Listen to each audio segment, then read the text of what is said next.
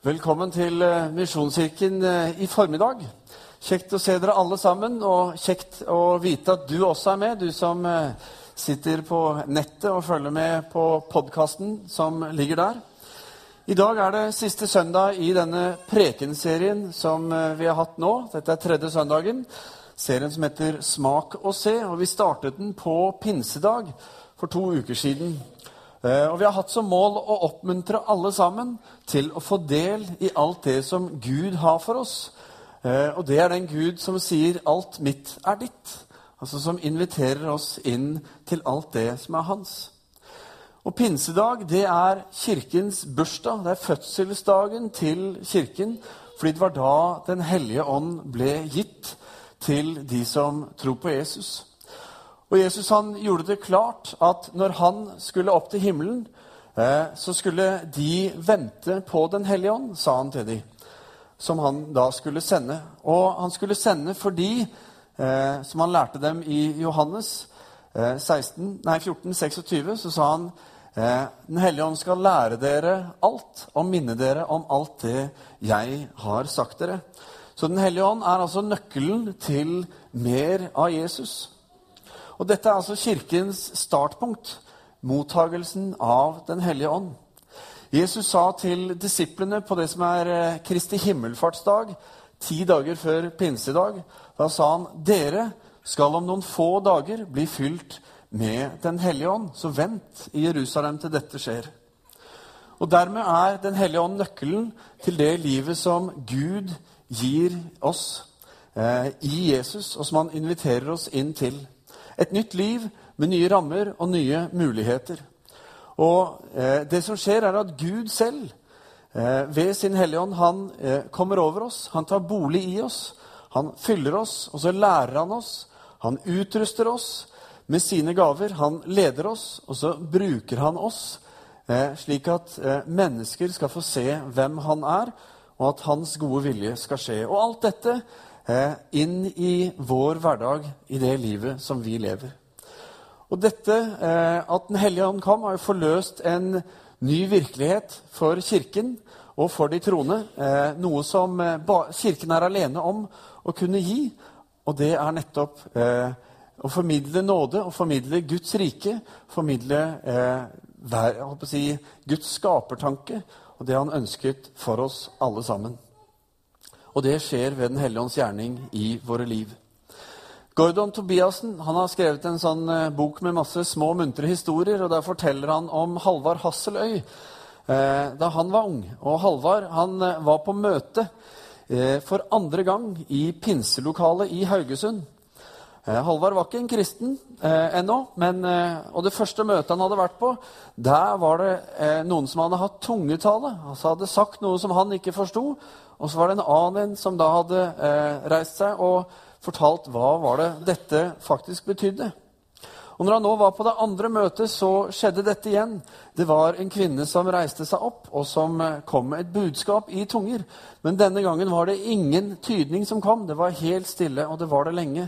Og da eh, følte Halvard at han måtte bryte denne tausheten, og så sa han Og det var værmeldingen på samisk. Han ble eskortert forsiktig ut etterpå. Men Halvard han, er, eh, han ble en kristen og driver et spennende eh, arbeid med barmhjertighetsarbeid i Øst-Europa bl.a. En brennende, ivrig kristen. Den store feilen som eh, mange gjør når vi snakker om Den hellige ånd, er at vi ser først. Vi ser hva er Den hellige ånd, og så vurderer vi det vi ser, og så konkluderer vi derfor på grunnlag av det.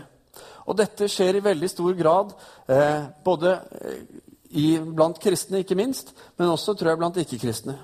Senest denne uken så pratet jeg med en eldre dame som bekreftet eh, at det ofte er sånn. Hun fortalte om eh, for mange mange år tilbake da Åge Samuelsen var i Stavanger og hadde møter. For de som husker han, eh, så kan vel han beskrives som en eh, noe uforutsigbar karismatiker, men med et stort hjerte for Gud.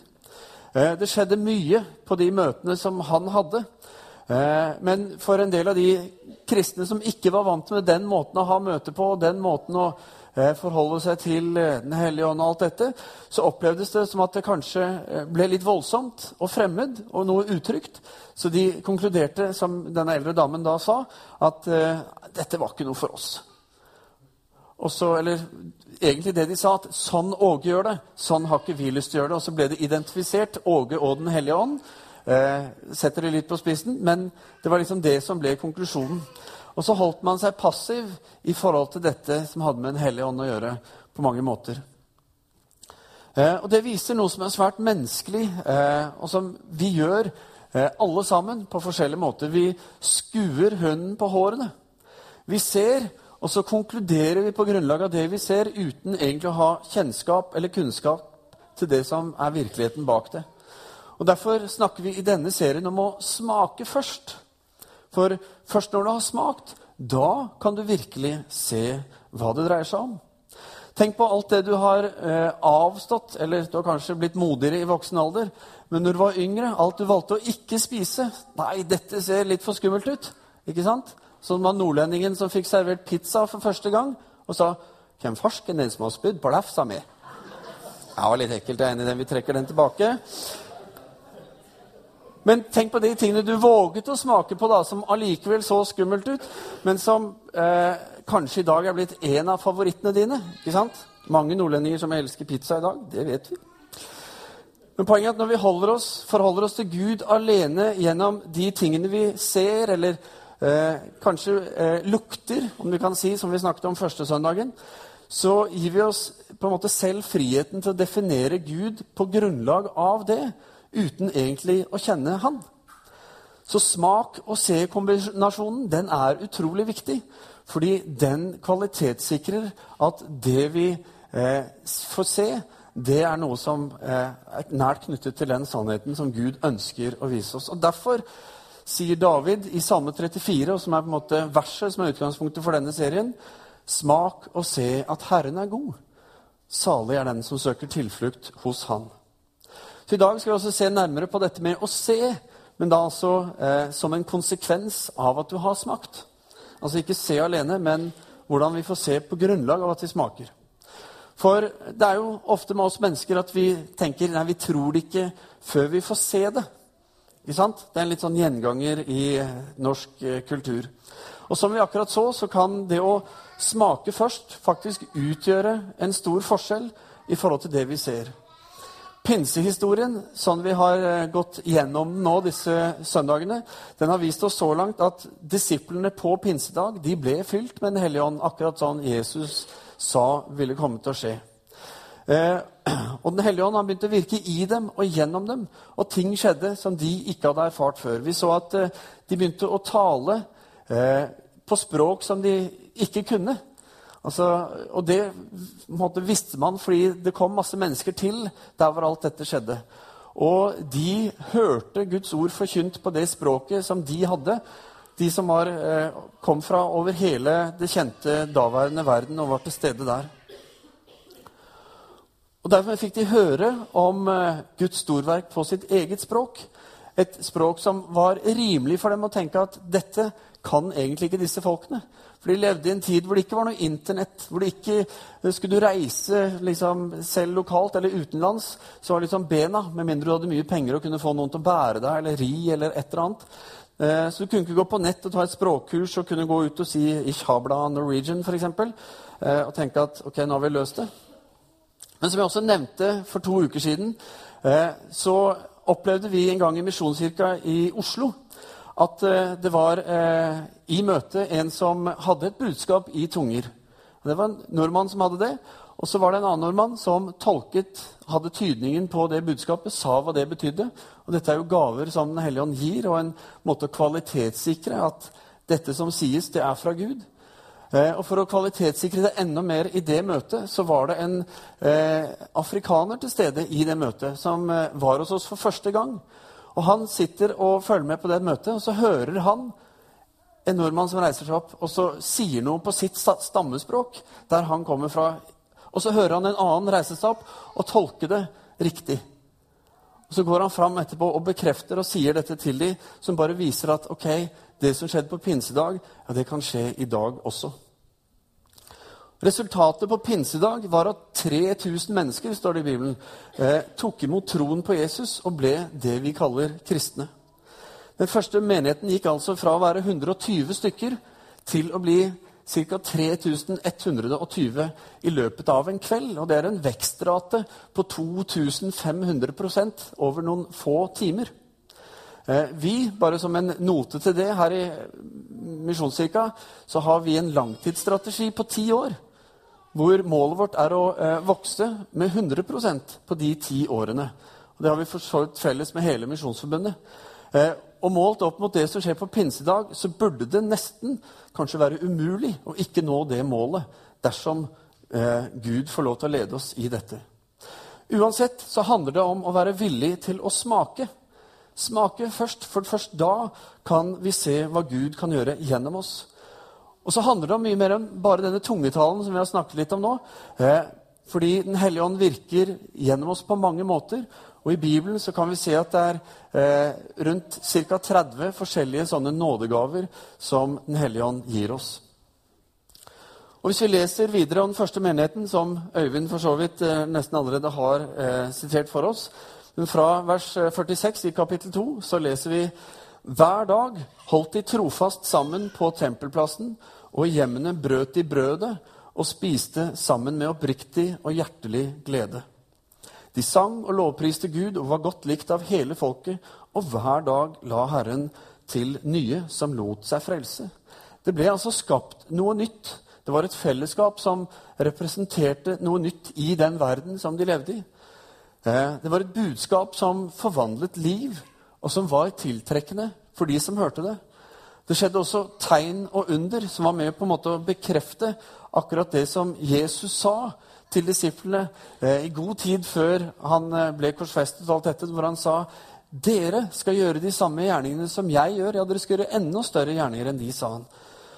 Og så ser vi at det er det som er med og skjer her gjennom pinsen. Og Poenget er at eh, vi er gitt noe som vi trenger å utforske. Altså som vi trenger å smake for å kunne se. Og det handler, og der er Den hellige ånd på en måte nøkkelen til dette. Velger vi å ikke smake, men bare se, så blir vi fort som det folket som eh, Jesaja, profeten i Det gamle testamentet, da han i kapittel 6 blir eh, på en måte valgt ut og innsatt som profet av Guds engler, så er det første budskapet som Gud sier at eh, dette skal du ut og si til folket, det var følgende. Da sa han eh, Gå og si til dette folket, dere skal høre og høre, men ikke forstå se og se, men ikke skjønne. Fordi israelsfolket var mer opptatt av seg selv og sin egen vilje enn det å søke Gud, hans godhet, og få lov å erfare hans vilje. Men for én ting er hva vi kan se skje hos andre, og hvordan vi selv tolker det vi ser. Men en annen ting er hva vi tenker om hva kan skje gjennom meg? Hva kan Gud gjøre gjennom meg om jeg slipper Han til, åpner opp for Han? Det handler om å ha tillit til Gud. Derfor smake først, for så å få se. Jeg har fått lov å oppleve mange ting gjennom mitt liv som en kristen. Jeg har sett min brors fot vokse ut. Han hadde tolv grader skjevhet i ryggen. Og mens vi ba, så så vi fysisk at den halvannen centimeteren strakk seg ut. Eh, jeg har vært på møter i Uganda eh, hvor det er en helt annen sånn forventning og stemning, og de kommer i tusentalls på møter. Da så jeg en liten jente på fem år ble rullet i rullestol inn til dette møtet. Og jeg så på scenen når de ba for henne, at hun reiste seg fra den stolen og kunne løpe hjem etter møtet.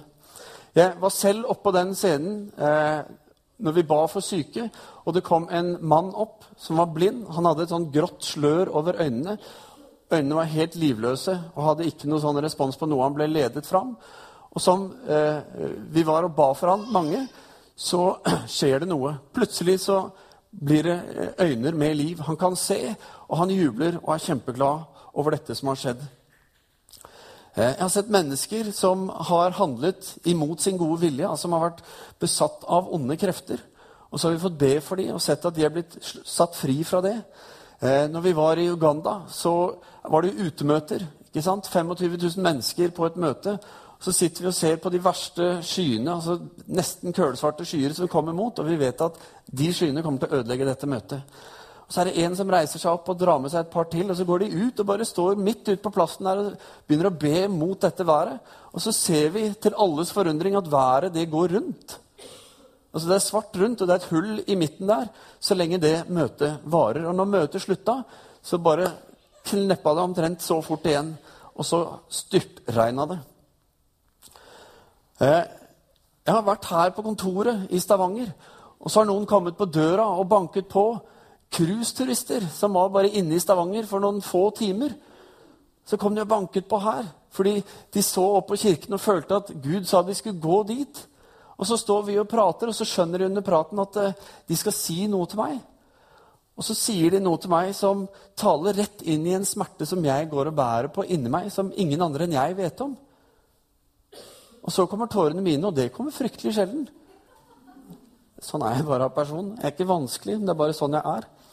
Men alt dette jeg nå har fortalt, og mye mer, det har gjort at jeg ikke bare tror at dette er sant, og tenker om det at dette kan skje, men jeg har selv valgt å gå inn og være med og be og være med og smake, fordi jeg har lyst til å se mer, jeg har lyst til å være en del av dette. Og hva betyr det? Jeg sier ikke her at alt det jeg tar på, blir til gull. At alle bønner jeg ber, bare vops, så er det sånn. Ikke det hele tatt. Men jeg ser at eh, når jeg ber, så er det stadig eh, Eller stadig eller innimellom, og det er farlig å bruke noen ord her, men jeg opplever at ting skjer når vi ber. Jeg opplever at Av og til så blir de friske, men ikke hver gang. Men poenget er at eh, det at jeg får se noe, det gir mersmak. Det gjør at jeg vil ha mer av dette.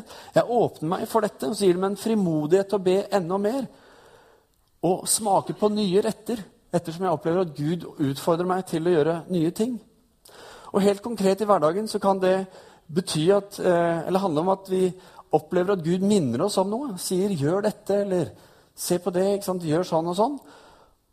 Fordi det er Gud som gjør disse tingene. Det handler ikke om meg. Det handler ikke om eh, Julius og Jet, biskopen i Uganda, eller andre som vi ser.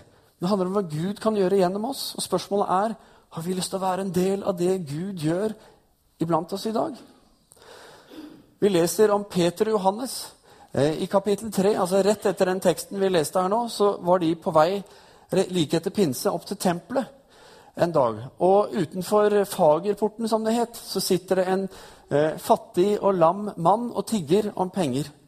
Og det står om han at han har vært lam hele livet, og at han blir hjulpet dit, altså båret dit hver dag, for at han kan sitte og prøve å tjene, få noen slanter for å ha til livets opphold. Og når Peter og Johannes kommer forbi og han rekker ut hånda for å be om en, en gave, så er det som om eh, Det står liksom ikke i teksten at nå ble Peter minnet på noe, men Peter han handler på det. Og jeg tenker der var det Den hellige ånd som sa noe til Peter. Og, så det Peter gjør på den utfordringen han fikk, det var at han sier til denne mannen, som vi leser i vers 6, Sølv eller gull, det har jeg ikke. Men det jeg har, det vil jeg gi til deg. I Jesu Kristi Nazarerens navn, reis deg og gå. Og Så bøyer han seg fram og så tar han denne mannen i armen og så begynner han å løfte han opp. Og Så kan han reise seg. Det står at han fikk styrke bena. og Så står han på disse skjelvende bena og tar noen små skritt. Og Så står det at han blir mer og mer bestemt i skrittene, og til slutt så løper han rundt og danser og jubler og priser Gud for dette underet som har skjedd. Og Jesus sa jo til disiplene, 'Det dere ber om i mitt navn, det vil jeg gjøre.' Så de handlet i tro til det Jesus hadde sagt. Da jeg her i januar skulle reise til USA eh, og skulle ta tollflyet via Amsterdam, så kom jeg på Sola flyplass, og alt var forsinka. Det var ikke ett fly foran som hadde måte, tatt av i tide. Og jeg visste ok, jeg har ikke største, det største tidsvinduet i Amsterdam. Jeg har en time og 20 minutter. Eh, og når jeg sto der og klokka var 11 og 10 flyet til Amsterdam ennå ikke var gått, så skjønte jeg at ok, her er det grunn til å være litt urolig. Og det ble jeg da, naturlig nok. Så jeg tenkte nei, jeg må se om jeg kan få gjort noe med dette. Ti fly har ikke gått. Så jeg gikk ut av liksom, eh, gateområdet og alt det, og, eh, sånn at jeg måtte til innsjekken igjen.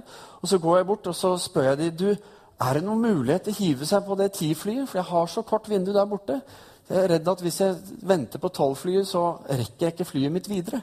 Og det skaper jo bare masse komplikasjoner. Og så sa hun ja, hun skulle ringe opp og se, og så prater hun, og så eh, liksom Ja, nei, beskriver og sånn. Og så Nei, nei, ok.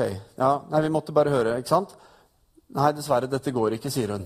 Eh, vi får ikke til det. Det har kommet for langt med sånn, og vi må finne bagasjen din, og vi må stanse Nei, det går ikke, ikke sant? Nei, og så prater hun eh, litt videre med han, og så er det akkurat som jeg hører inni meg Nei, ingenting er umulig for Gud. Og så bare be en sånn enkel bønn inni meg. Nei, Gud, dette ordner du. Dette skal du ordne. Jeg skal med det flyet. Og så plutselig så sier hun Hva? Hva sa du? Er det mulig? Og vips, så var jeg på det ti-flyet, og uten noe ekstra kostnad.